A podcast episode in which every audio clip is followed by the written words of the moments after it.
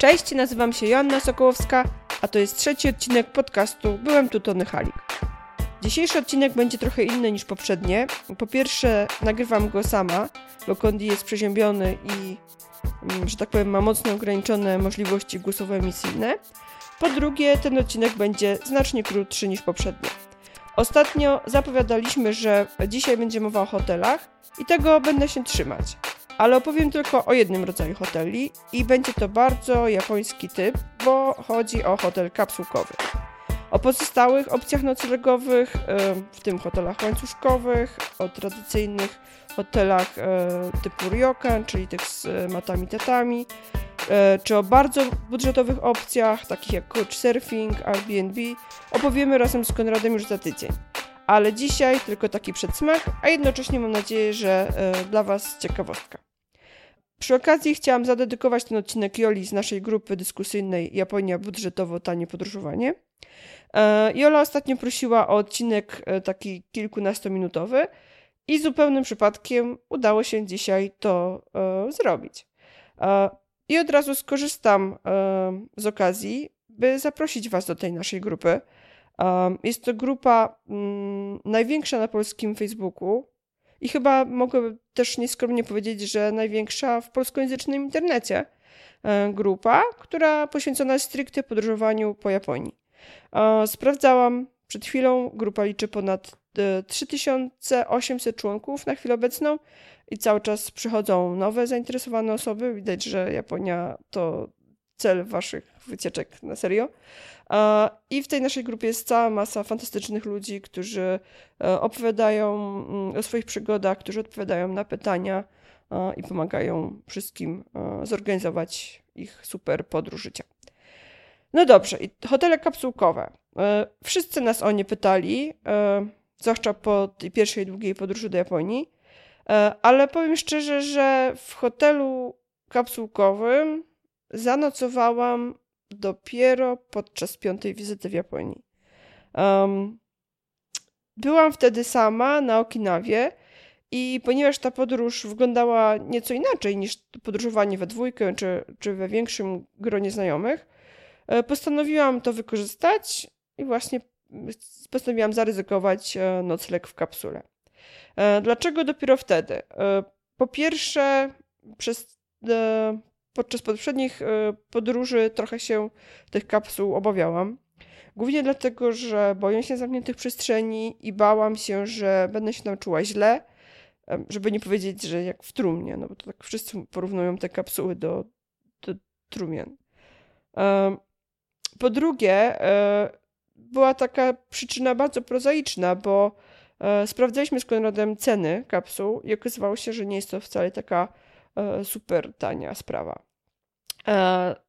Kapsuły w zależności od standardu, od typu hotelu, od dodatkowych funkcji, jakichś tam opcji, ceny tych kapsuł wahają się od około 2,5 tysiąca jenów do nawet 8 80 tysięcy jenów. Czyli e, złotówka będzie to między od 80-85 zł do nawet 300 zł za noc, za osobę. Um, taka słynna, jedna chyba z najsłynniejszych sieci Nine Hours, która e, oferuje bardzo nowoczesne kapsuły. Wszystko w tych hotelach jest takie super białe i błyszczące. Wygląda trochę jak scenografia z filmu science fiction to w tej sieci e, średnio kapsuła kosztuje od 150 do 200 zł za osobę. E, czyli jak sobie podróżujemy we dwójkę, to podsumowując cenę za dwie kapsuły, za dwie osoby, praktycznie uzyskujemy cenę e, taką samą jak cena skromnego hotel, hotelowego pokoju z łazienką mm, w sieci w chain hotelu. I dlatego mm, jakby nie przekonywało nas to. Woleliśmy być razem, woleliśmy mieć trochę więcej takiej prywatności i mieć swój własny pokój. E, kiedy pierwszy raz nocowałam e, w hotelu kapsułkowym, bo od tego czasu już nocowałam e, ponownie, to zatrzymałam się w znacznie skromniejszym hotelu, gdzie te kapsuły były dosyć takie retro w zasadzie. Ale też cena była odpowiednio niższa. To był hotel na Okinawie, w największym mieście Naha.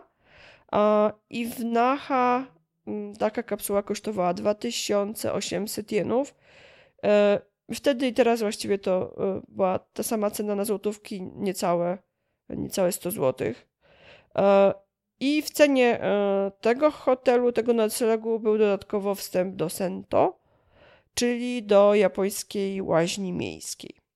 E, no właśnie, i tutaj zaczynają się schody, mm, bo trochę tak e, nie bezpośrednio przechodzimy do kolejnego powodu, dla którego nie, no, nie nocowałam, właściwie nie nocowaliśmy wcześniej e, w kapsułach.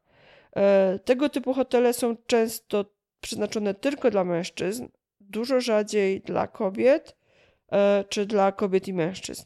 E, wtedy w Naha nocowałam właśnie w takim hotelu dla kobiet i mężczyzn, ale te części e, były mocno oddzielone od siebie, zwłaszcza ta damska była zabarykadowana, praktycznie były zamki elektroniczne, jakieś śluzy, żeby no, nikt, żaden facet tam przez przypadek nie, nie wszedł. E, I ogólnie ta część damska była znacznie, znacznie mniejsza. To było około 30 miejsc w jednej sali, 30 e, kapsuł, podczas gdy cała reszta hotelu to były sale z kapsułami dla mężczyzn. Ta damska część to była jedna czwarta, może jedna trzecia męski, e, tego, co męska część stanowiła. E, I pewnie dlatego też w tamtym hotelu nie było oddzielnej łaźni, właściwie takie miejsca, gdzie można się wykąpać dla kobiet, no bo mała łazienka była i wychodziło się na zewnątrz do miejskiej łaźni, która była praktycznie za rogiem. Dla mnie to było super fajne, bo ja naprawdę lubię e, onseny i łaźnie miejskie. E, I tak planowałam się tam wybrać. E, nawet cieszyłam się, że to jest blisko tego mojego hotelu.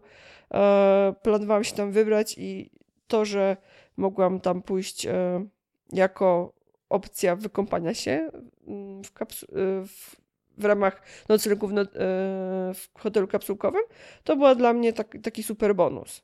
E, wejście tam bodajże kosztowało około 1000 jenów, czyli e, ponad jedną trzecią całego, całego kosztu noclegu. No dobrze, ale jak wygląda ta część dla kobiet? Nie wiem, jak, jak wygląda część dla mężczyzn, bo tam za bardzo nie zaglądałam, ale myślę, że podobnie.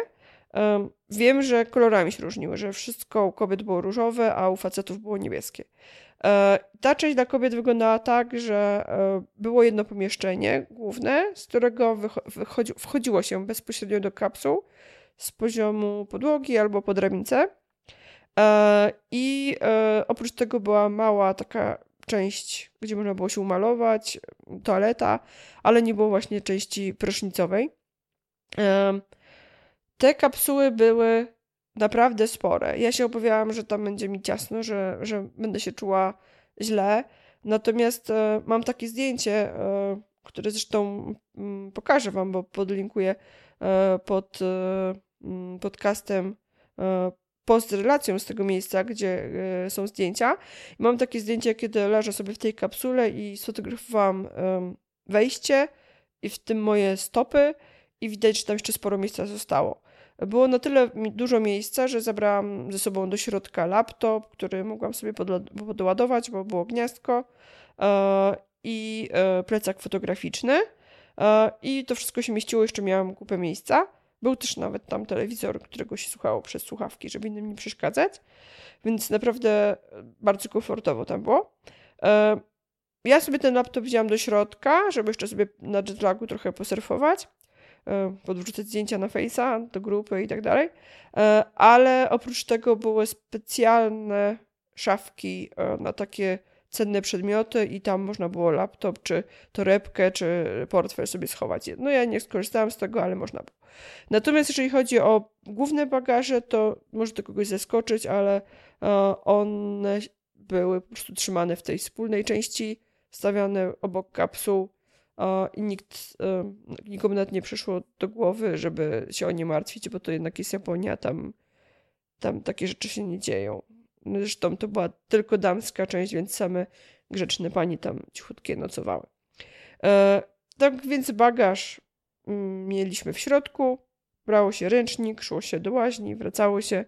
Można było też skorzystać z takiej części wspólnej, gdzie były kanapy, telewizor, taki trochę salon, e, nawet było PlayStation, chłopaki grali tam w różne gry e, i był też kącik taki jadalno-kuchenny, gdzie były mikrofale, jakieś takie przyrządy do gotowania. Można było sobie tam odgrzać kolację, jeżeli ktoś sobie przyniósł z zewnątrz jakiś rzeczy to go albo mm, jakieś produkty z, ze sklepu.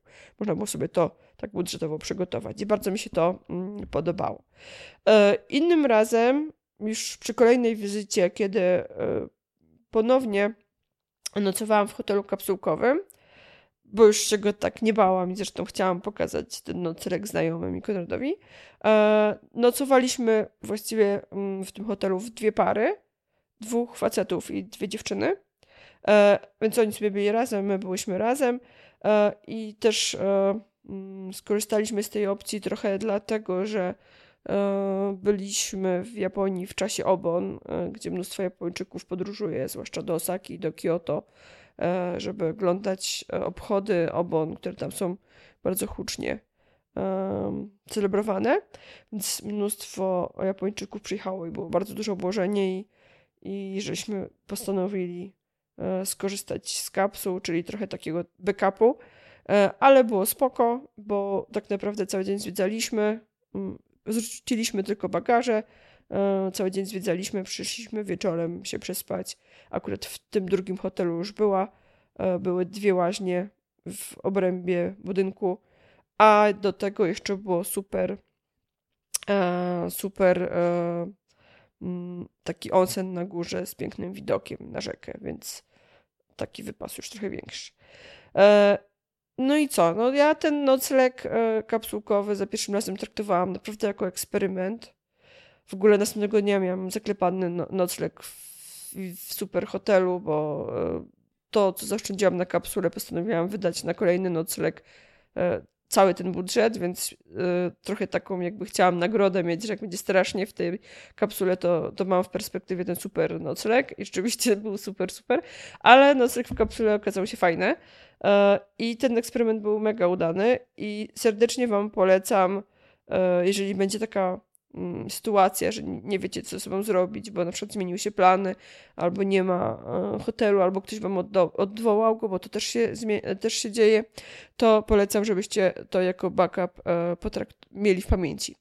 E, no właśnie, o tych pozostałych opcjach noclegowych mm, opowiemy za, za, za tydzień w pełnym odcinku.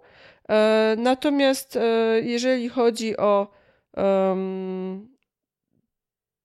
ten hotel, e, hotel kapsułkowy, to jeszcze dodam to trochę taką jaką ciekawostkę, że e, Japończycy nocują tam głównie wtedy, kiedy spóźnią się na ostatni pociąg. E, w zeszłym odcinku podcastu rozmawialiśmy o tym, że pociągi w Japonii ani metro nie jeżdżą w nocy, więc jak ktoś się spóźni na ostatnie metro, na ostatni pociąg do domu, no to może zanocować albo w kapsule, albo przebidować gdzieś w jakiejś knajpie w Izakai albo w kafejce internetowej.